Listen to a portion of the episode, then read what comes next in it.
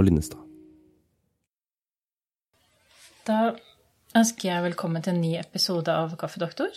Og uten Lina denne gangen, men med Cecilie Arendt Hansen. Velkommen. Tusen takk. Og Cecilie, du, har, eh, du, jobber jo nå på Nydalen DPS som psykiater. Ja. Men du har jo jobbet flere steder før, eh, bl.a. som fastlege. Ja. Og så har du skrevet flere bøker, Ja. Blant annet legevaktshåndboka, som jeg tror alle vi leger kjenner veldig, veldig godt. Har hjulpet oss i mange nødsituasjon. Det var meningen. Ja, ikke sant? Og så har du eh, skrevet en bok som heter eh, 'Kvinner med begavelse for legevirksomhet'. Og den er det vi skal snakke om i dag. Ja. Som, og jeg tenker at vi kan snakke om den helt ublutt som et uh, julegavetips. For jeg mener faktisk personlig at det er et veldig, veldig godt tips. Så hyggelig. Men hvis vi skal begynne med uh, For dette er et ganske omfattende verk. Uh, En bok om de første kvinnelige legene i Norge. Ja. Hva var det som liksom fikk deg til å Skrive den? Ja. Ja. Det er nok litt flere impulser som har bidratt til det, men um, jeg kan si at jeg har gått og tenkt på dem. Helt siden jeg, Særlig kanskje siden jeg begynte å studere medisin selv og ble lege, så har jeg tenkt hvordan var det for de aller første?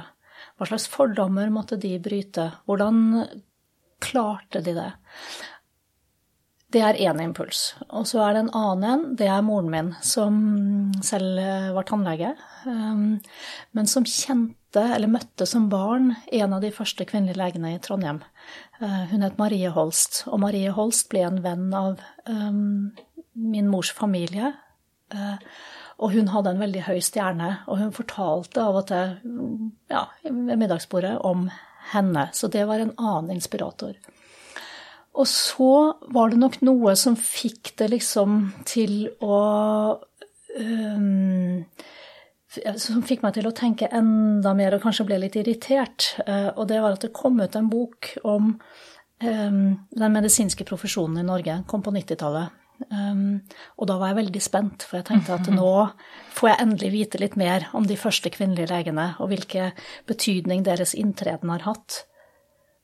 Og så fant jeg ingenting. Jeg fant bare en billedtekst, og der sto det, det bilde av gravstøtten til um, den første kvinnelige legen, Marie Spongberg. Og så sto det Marie Spongberg var den første kvinnelige legen i Norge. Hun gjorde som mange andre kvinnelige leger, giftet seg med en lege. Hennes mann ble øyelege. Var det alt som sto? Det var alt som sto. Ja, da Og da var det på tide at du skrev en At her må vi finne mer ut. Og så gikk du faktisk i gang. Og det, jeg må jo si når jeg har lest den boka, at eh, for det første så har jeg ikke selv noen gang skrevet eh, noe som bygger på den typen arkivdata. Og jeg var overrasket for det første over hvor utrolig mange arkiver det fantes, og hvor utrolig mange arkiver du har vært i Ja. for å skrive den boka. Ja. Kanskje du kunne si litt om hvordan man går frem når man Ja. lager et sånt historisk verk, da? Ja. Det er jo Man har liksom litt forskjellige innganger, men det, det starter jo et sted. Eh, og jeg startet, etter at jeg hadde lest det som jeg fortalte om da, så tenkte jeg ja, jeg må jo undersøke litt, da. Og så gjorde jeg et intervju med en eh, nevø av Louise Isaksen. Som fortalte om henne, som husket henne godt, eh, og som fortalte om henne. Og så begynte jeg liksom å søke litt rundt henne og tenkte at her ligger det jo et dramatisk stoff. Eh, Fordi Louise Isaksen eh, gikk til klage til regjeringen over en forbigåelse på Rikshospitalet. Da tenkte jeg dette er interessant. Og så begynner det en snøball å rulle. Men det jeg gjorde litt sånn systematisk, da, det var at jeg leste gjennom 30 årganger av Nylende, som var Kvinnesaksforeningens tidsskrift. Eh, For de sekunderte disse kvinnelige legene veldig tett, og der fant jeg veldig mye informasjon. Men hun som var redaktør der, Gina Krogh, hun var en rotekopp. sånn at eh, hun skrev veldig mye bra, altså, men hun eh, Register og sånn kunne jeg ikke stole på, for det fant jeg ut at det var eh, nokså ufullstendig. Så jeg måtte liksom gjennom alle sidene. Men det var én tilnærming. Så gikk jeg i et annet kvinnetidsskrift som het Urd, som var eh, ja, et mer på en måte Det var ikke, noe, ikke kvinnesak, det var mer borgerlig, men de skrev også om de første kvinnelegene. Så finner du noen spor, altså noen saker, og så tar du liksom en sånn sak, f.eks. var det en forbigåelsessak av en, um, en, som ikke fikk en stilling nede på, i Stavern, på, på kysthospitalet der. Og hun klaget også til departementet. Og så kan du gå i departementets arkiv, og så finner du klagesaken, og du finner saksbehandlingen, og du finner også responsen. Så det er en slags detektivarbeid. Mm. Eh, og så er jo intervjuet eh, slektninger, da. Eh, da får man litt annen informasjon enn enn det man finner i arkivene. For det var flere som husket henne, eller husket disse 19 ja. kvinnelige legene? Ja. ja. Men du får anekdotisk informasjon. Så det er mye du ikke kan skrive, men du kan også få La oss si f.eks. at en slektning sier at um, ja, hun var en alvorlig type. Hvis flere sier det, så kan du regne med at hun var nok en alvorlig type. Da kan du, da kan du bruke det. Det er også en informasjon du ikke kunne fått ut fra det skrevne materialet. Ja, riktig. Veldig interessant. Men fordi det nesten ikke var skrevet noe om dem, så var det jo først og fremst arkivstudier jeg måtte gjøre. Eh, og søke tidsskrifter, i, i aviser, i eh, ja. Eh, Men du har også funnet flere brev som de har skrevet? Ja. Brev til søsken og brev til foreldre og Ja. Så det ligger jo noen brev bevart på Nasjonalbiblioteket. Det var jo ofte brev som gikk til en kjent person, og så er de bevart pga. den kjente personen. F.eks. For ja. en forfatter eller en, ja, en som har hatt en fremtredende stilling. Veldig interessant. Um, fordi eh, hvis du bare går inn og kikker på hvordan du har bygd opp boka di, så har den uh, tre deler. Ja. Uh, og den første handler jo om frigjøring. Um, og den neste er tyngdepunkt, og det er vel ja, hva de primært Sakene, beskjeftiger ja. seg med. Mm. Uh, og så er det tredje kampen fortsetter. Um, hvis vi tar bare og kikker på den første, da, frigjøring, for det, det henger jo deres kamp henger jo tett sammen med kvinnebevegelsen. Ja. Kanskje kan du si også litt om ja. hvor mange leger Nå sa jeg 19, ja. men litt hvem var de? Ja. Um, for å ta det første først, da, det med kvinnebevegelsen. Um, så tenker jeg at um, 1880-tallet i Norge var et utrolig interessant tiår fordi at det skjedde så mye. Da ble parlamentarismen innført, de politiske partiene ble dannet. Um, industrialiseringen hadde liksom uh, skjøt fart. Men også Kvinnesaksforeningen uh, ble stiftet, og Kvinnestemmerettsforeningen. Og et krav i kvinnesaken, det var at kvinner kunne få ha en kvinnelig lege å gå til. Det var et um, internasjonalt uh, krav, egentlig. Um, og de hadde stor sympati. De hadde sympati blant kvinner og menn. Alle skjønte det. Eh, og Stortinget eh, vedtok enstemmig eh, at det skulle utredes snart hvordan man kunne få kvinner til å studere hvordan man kunne åpne universitetet, slik at kvinner kunne studere medisin. Så det er litt av kvinnebevegelsens medvirkning her til at noen da begynte å tenke på de tankene. Og så er det disse 19 som selvfølgelig er nokså forskjellige. Altså jo, mer, jo dypere inn man kommer i de forskjellige, så, så, ser du jo forskjellene kanskje mer enn likhetene. Men det er noen likheter også. Um, stort sett så var det jo kvinner som kom fra borgerskapet, eller De var i hvert fall ikke arbeiderklassen. Um, de hadde, noen hadde akademikere som foreldre, som fedre da. Noen hadde håndverkere som uh, foreldre, kjøpmann, gårdbrukere. Um, så de uh, kom sjømenn, altså kapteiner og sånn. Så de kom jo, og de kom fra forskjellige steder i landet, fra, til altså Vefsn i nord, da, til Arendal i syd, Bergen, Toten, Drøbak, Kristiania. Um, og så har det nok vært sånn at kvinnesaksvennlige tanker har vært utbredt i i hvert fall noen av de hjemmene fra disse 19. Så de har fått en uh, influens der. Men så tror jeg altså, der hvor det kanskje ikke er så lett å se at det har vært noe spesiell politisk interesse knyttet til kvinnesak, så tror jeg at de har vært vokst opp i hjem som kanskje ikke har vært så konvensjonelle. Altså hvor man ikke har vært så opptatt av å liksom følge normen. Um, det syns jeg at jeg liksom ser litt sånn mm. eksempler på. De har turt å gå utafor. Turt å gå utafor. Og også sånn stimulans på fantasi og sånn. At det har vært eh, blant noen som skriver liksom hvordan de lekte som barn, og hvordan, altså hvor frie de var, på en måte. Så det tror jeg kan være en slags fellesnevner. Så var det vel et par som ikke hadde noen far, hvor det faktisk er mor som har skjøvet dem frem? Ja. Det er påfallende at blant disse 19 så er det relativt mange som har vokst opp uten far. Eh, enten fordi han var død, eller fordi han var borte, han var sjømann og var på sjøen, eller foreldrene ikke bodde sammen. Så det, det er jo små tall, da, så det er vanskelig å trekke liksom, faste slutninger. Men det er relativt mange som har vokst opp med en, en tilstedeværende mor. Ehm, og det har nok hatt betydning. Man kan i hvert fall anta at det er en mor som har hatt tanker om at kvinner kan gjøre andre ting enn å passe huset, holdt jeg på å si. Ja. Og som har uh, sannsynligvis vært sterke kvinner selv, da. Ja. For det er, vel, det er, vel, ikke sikkert at naboene syntes at det var uh, det smarteste, å, å, forsøke seg på den galeien. Det, det, var jo enormt radikalt å tenke at en kvinne kunne ta artium, altså videregående, og studere medisin. Det var jo helt på tvers av alt som eh, eksisterte. Så det er jo noen som her har liksom tenkt veldig annerledes tanker. Mm. Mm. Um, hvordan var det å være student på det tidspunktet? Hvordan ble de mottatt, hvis du skulle si litt om det? Der går kildene i litt forskjellige retninger, eh, for det er jo flere som skriver om det. De medisinske professorene var jo imot at kvinner skulle studere medisin. Og noen skriver nok litt om at det ikke var bare enkelt for dem knyttet til altså, eh, underviserne. Um, og så er det noen medstudenter som heller ikke syns at uh, det var noen god idé at det skulle komme kvinner inn, mens mange skriver også at de får veldig mange gode kamerater. Ja, Der har de jo også masse morsomt billedmateriale. Jeg husker blant annet et bilde hvor det var liksom to av disse kvinnene var på tur med to mannlige medstudenter. Ja, ja. Og det, det, bildet i seg selv er jo det skjønner ikke, altså det er vanskelig for oss å forstå nå, men at de gikk på tur i fjellet i mm. Jotunheimen, det var jo også helt nytt. Ja.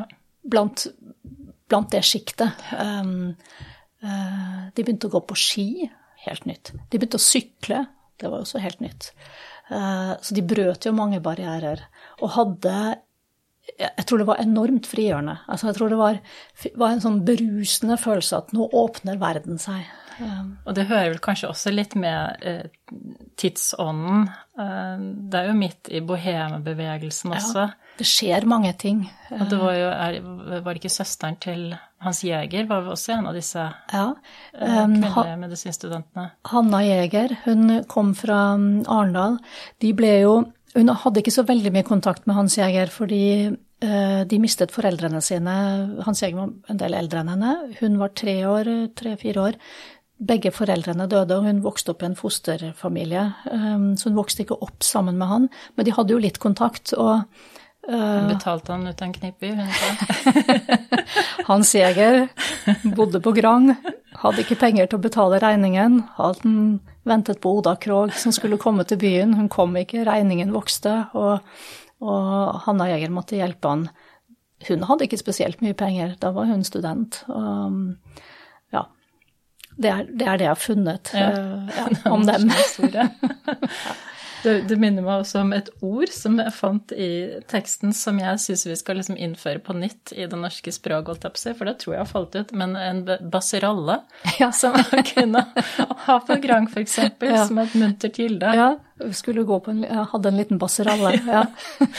det synes jeg, så, sånn sett så var studentlivet både preget av eh, god vennskap og moro, sånn som det egentlig er i dag. De, de hadde mye moro, ja absolutt. Og, og det, altså det var jo hardt arbeid, naturligvis, og de studerte Brukte syv år på å studere i gjennomsnitt. Uh, hadde jo fag som, uh, som vi ikke har hatt, sånn meteorologi og uh, Hva betyr det? Ja, de skulle lære om klimatiske forhold i Norge og sånn. Um, og de hadde enda mer realfag enn en du og jeg har hatt. Um, og de hadde mye kliniske fag, og det er klart at det, altså mye ligner jo på nå også. Det er helt overraskende når man leser lærebøker fra den tiden at, uh, ja, at mye er likt. Men det er klart at den kliniske eksaminasjonen, undersøkelsen, ble jo vektlagt i mye større grad, for de hadde jo ikke de samme laboratorieundersøkelsesmulighetene som vi har. Sånn at det, det, baserte seg på at man var en god kliniker. Så men det har slått meg også når jeg har lest sånn historiske gjengivelser fra psykiatrisk behandling på den tiden, ja. eller slutten av 1800-tallet, ja. hvor utrolig godt beskrevet de forskjellige tilstandene er ja. når man tenker på at de hadde ikke noe diagnostisk system. Uh, underlaget deres for å treffe beslutninger var annerledes, da. Men det kliniske øyet var kjempeutvikla, for å si det sånn. Og måtte være det. Ja. Mm.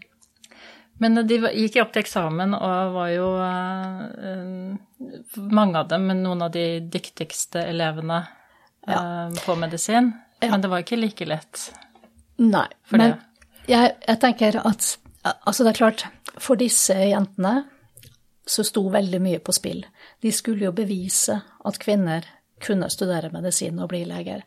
Så, og de var jo veldig dedikerte. Så de har jo eksamensresultater skyhøyt over gjennomsnittet. Um, både til eksamen artium, altså etter videregående, eh, til forberedende, som var ganske omfattende på den tiden, de brukte et år, og til medisinsk embetseksamen. Um, men så skulle de ut og få jobb, og det er da det stopper opp. Da vil ikke sykehusdirektører eller avdelingsleger um, gi dem jobb. De får ikke jobb. De får ikke jobb i det offentlige. Så um, de ble jo privatpraktiserende uh, alle sammen. Um, men mange klarte å spesialisere seg likevel. og da dro de utenlands. Ja, det syns jeg også var utrolig imponerende. De reiste jo til USA, de reiste over hele ja. Europa. Ja. Eh, at de Jeg mener, det er veldig annerledes enn sånn som vi reiser. Ja. Setter oss på et fly og kommer et sted noen timer etterpå. Men de har faktisk dratt til et land som er langt borte, med et annet språk. Ja. Uten engelsk i grunnskolen. Ja. Og de dro uh, altså til uh, Tyskland, Frankrike, Østerrike, England, Skottland og etter hvert også til USA. Uh, så og de dro jo med litt varierende språkkunnskaper, eh, men eh, tysk var jo hovedspråket, altså innenfor akademia, i hvert fall innenfor biologi og medisin. Så tysk tror jeg en del av de kunne relativt bra. Var en del av pensumet på tysk? Ja, det var det. En del av lærebøkene var på tysk. Ja, og så fransk og engelsk eh, var det nok litt varierende med. Men også det motet, mm. reise som en kvinne uh, på begynnelsen av 1900-tallet um, til et fremmed land, um, klare seg, um, spare penger først for å kunne finansiere det. det er mye trøkk i disse damene. Ja, de har vært bare veldig modige, rett og slett. Mm. Du, for det er jo flere deler av boka di som handler om de vanskelighetene de står i. Hvis du skulle si litt om hva slags type privatpraksis var det de hadde? For det, selv, det, det var jo ikke en allmennpraksis som i dag. Nei, det var øh, Ganske mange av dem ble jo privatpraktiserende leger i byer. Absolutt flertallet i Kristiania, øh, noen i Bergen, en i Trondheim. Um, ganske mange ble jo spesialister, så de fikk litt spesialiserte praksiser. Uh, de, de, altså, av de som ble spesialister, så var det uh, gynekologi uh, og fødselshjelp. og så var det to som jobbet spesielt med, med hud- og kjønnssykdommer. Men også spesialistene hadde en del allmennpraksis. Og pasientene, det var kvinner. Det var kvinner, og det var barn. Um, noen få ble det som man kalte for husleger, um, men der var det nok litt vanskeligere, for man tenkte at mannen i huset kunne jo ikke ha en kvinnelig lege. Så, uh, og så hadde de veldig mange tilleggsjobber, som alle leger på den tiden hadde. De hadde liksom ikke bare én jobb, men de hadde De kunne være tilsynslege ved mødrehjem, f.eks. De kunne være skolelege. De kunne være Jobbe på um, Sanitetsforeningens eh, spedbarnskontrollstasjon. Um, mange av dem jobbet vel med, ja, med kjønnssykdommer, da, som var ja. uh, utbredt, holdt jeg på å si? Forferdelig mye kjønnssykdommer. særlig i byene, og særlig Kristiania. Um, det har vært ganske lett for meg å følge, fordi at det, der ble det ført årlige statistikker. Um, og det er veldig store tall, altså. Um, og det handler jo litt om seksualpraksisen på den tiden også, som vi selvfølgelig ikke vet alt om, men vi vet noe. Um, det var sjømenn som var ute og reiste og tok med seg kjønnssykdommer hjem. Det var jo en annen Giftermålsalderen var relativt høy. Um, Hvorfor var den det? Nei, det var dyrt, dyrt å gifte seg. Uh, og etablere et hjem. Og uh, mange giftet seg jo heller ikke. Um, men det er klart at menn kunne jo fint være seksuelt aktive uh, i ikke-varige forbindelser før de giftet seg, og en del tok vel med seg da kjønnssykdommer inn i ekteskapet og smittet sine koner. Så var det ganske mye prostitusjon. Det bildet på Nasjonalmuseet Ja, Christian Krogh. Ja, Albertine. Ja. Det er vel utenfor et legekontor, eller ja. i venteværelset på legekontoret. Ja. Um, og jeg tenker at Christian Krogh er en fantastisk uh, uh, informant, tenker jeg, til datidens uh, sosiale utfordringer. Og mange av hans malerier, og også dette, da. Han skrev jo også en liten bok som heter Albertine. Den ble jo beslaglagt umiddelbart. Ja. Men den handler altså om en syerske som um, bor i en kjellerleilighet og skal finansiere sin syke bror og familien, og blir voldtatt av en politiinspektør som senere anmelder henne for prostitusjon. Og det denne uskyldige Albertine som vi ser på maleriet, som da blir brakt inn til politilegens kontor, uh, hvor de undersøkte prostituerte en gang i uken. Det var jo for å holde tilbudet optimalt. Eh, ja. Så det var en veldig dobbeltmoral. Samtidig så man ned på prostitusjon, men man gjorde sitt for å, å uh, Det kunne god... foregå sømmelig nok for mennene som benyttet seg av det. Ja. Mm. Så da Marie Spongberg ble ansatt på Helserådet som den første kvinnelige legen, så fikk hun masse pasienter. Eh, det fordoblet seg fra året før. Og hun tok imot eh, kvinner da, og barn med kjønnssykdommer, eh, og jobbet med det hele yrkeslivet. Eh, og da var det syflis, ervervet og noen uheldige barn også med medfødt syfilis. Så var det gonoré, som var den vanligste kjønnssykdommen. Og så var det noe som het bløt sjanker, som er en bakteriesykdom som ikke er så vanlig i Norge lenger, den fins jo ute i verden, men uh, som også de førte statistikker over, og som jeg har kunnet uh, følge, da.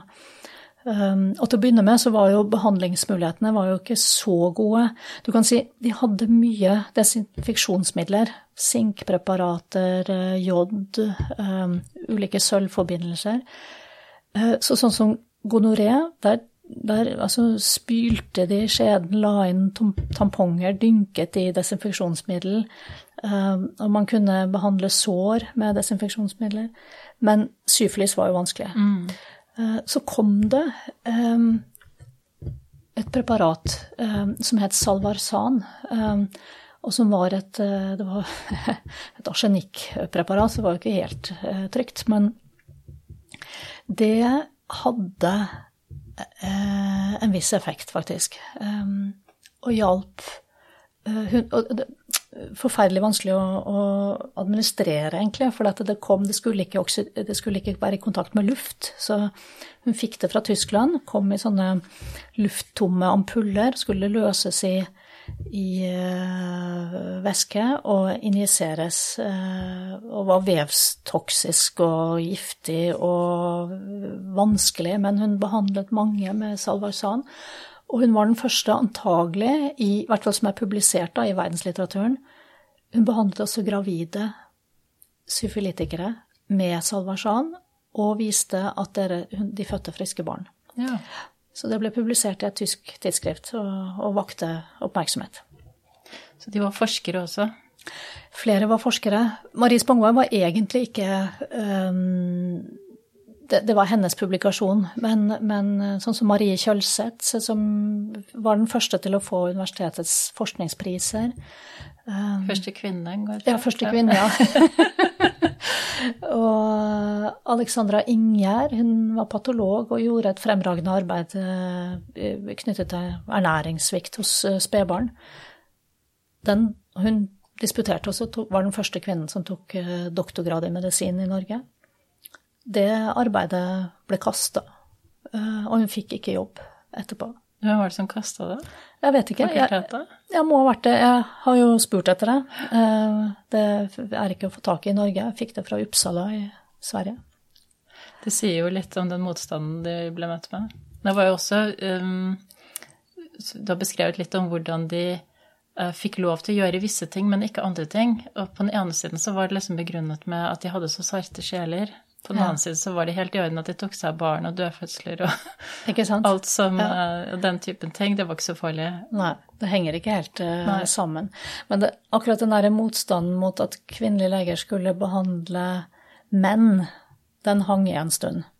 Um, og det gjorde at de f.eks. under studietiden ikke fikk lov å gå på mannlig hudavdeling. Um, men det gikk jo kvinnelige mm. sykepleiere der.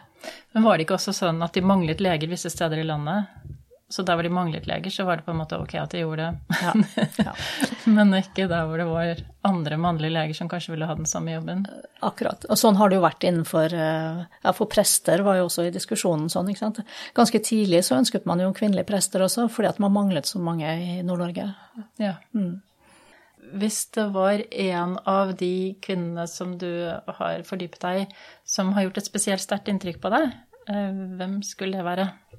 Da har jeg lyst til å trekke frem Marie Kjølseth, eh, som var en eh, markant og berømt lege i samtiden, men som siden har blitt glemt. Hun kom fra en gård på Toten, og foreldrene var opptatt av kvinnesak, de var venstrefolk. De sendte sine to døtre ut for at de skulle få utdanning, og hun ble både lege og gynekolog. Um, og fikk en stor praksis i Kristiania. Jobbet på mødrehjem, jobbet på uh, gratis poliklinikk for kvinner. Og hun gjorde patologiske undersøkelser for Fødselsstiftelsen. Men utover å være pioner, så var hun også en som deltok i samfunnsdebatten og jobbet for ulike kvinnesaksspørsmål. Hun arbeidet bl.a. for en ny ekteskapslov som ga bedre beskyttelse for kvinner. Hun arbeidet for bedre fødselshjelp, og ble også stortingsoppnevnt i en um, komité som uh, reformerte jordmorutdanningen. Hun var med på å opprette offentlige fødehjem. Uh, og så var hun aktiv for uh, og påvirket den tidlige kvinnelige stemmeretten i Norge. Så jeg tenker at hun har vært en foregangskvinne og hatt betydning. Hun ble også kjent som forsker. Um, og var en liten, tynn dame. Um, hun ble jo frarådet til å studere medisin fordi man tenkte at hun var ikke sterk nok, rett og slett. Det hørte hun ikke på, heldigvis. Um, og hun har hatt betydning for oss alle Uh, det var det første jeg også tenkte på. Hun har jo faktisk virket inn på oss, sånn som du beskriver henne nå. Ja. Hvor ja, vi tar det som en selvfølge, veldig mange av de tingene hun har kjempa for. Ja. ja. Og hun var på en måte um, Hun ble jo forsøkt stanset hele veien. Uh, men hun på, på sitt vis, uh, og på en måte milde vesen, boret seg frem likevel. Veldig interessant. Hva vil du tenke sånn i forhold til For nå har vi nesten snudd med sin studie på hodet. Det er ja. nesten bare kvinner og ja. veldig få menn. Hva ja. tenker du om det? Jeg tenker litt forskjellige ting. Um, jeg tenker at uh, arbeidsmiljøer uh, har det best når de har begge kjønn representert. Um, men så tenker jeg at uh, hvis vi ser på medisin, da, og hvis vi ser på antall professorer i, i medisin, så er det bare 20% kvinnelige professorer.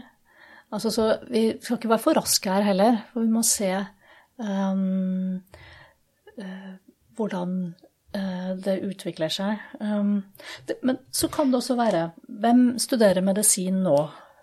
Er det noen andre enn de som valgte medisin før? Mm. Um, hvor er de flinke guttene? Velger de andre fag?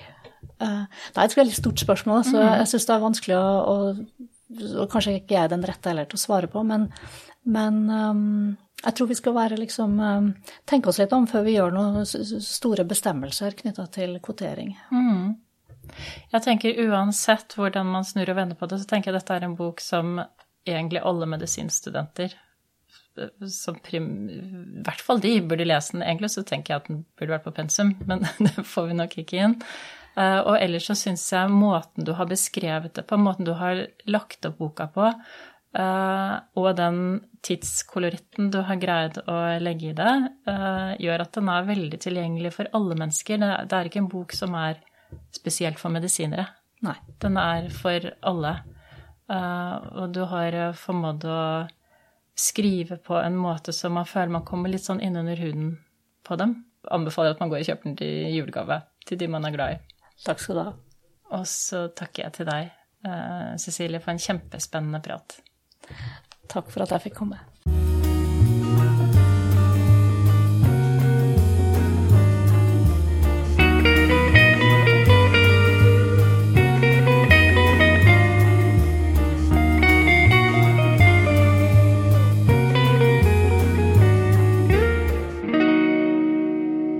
Kaffedoktor med Rom og Linnestad.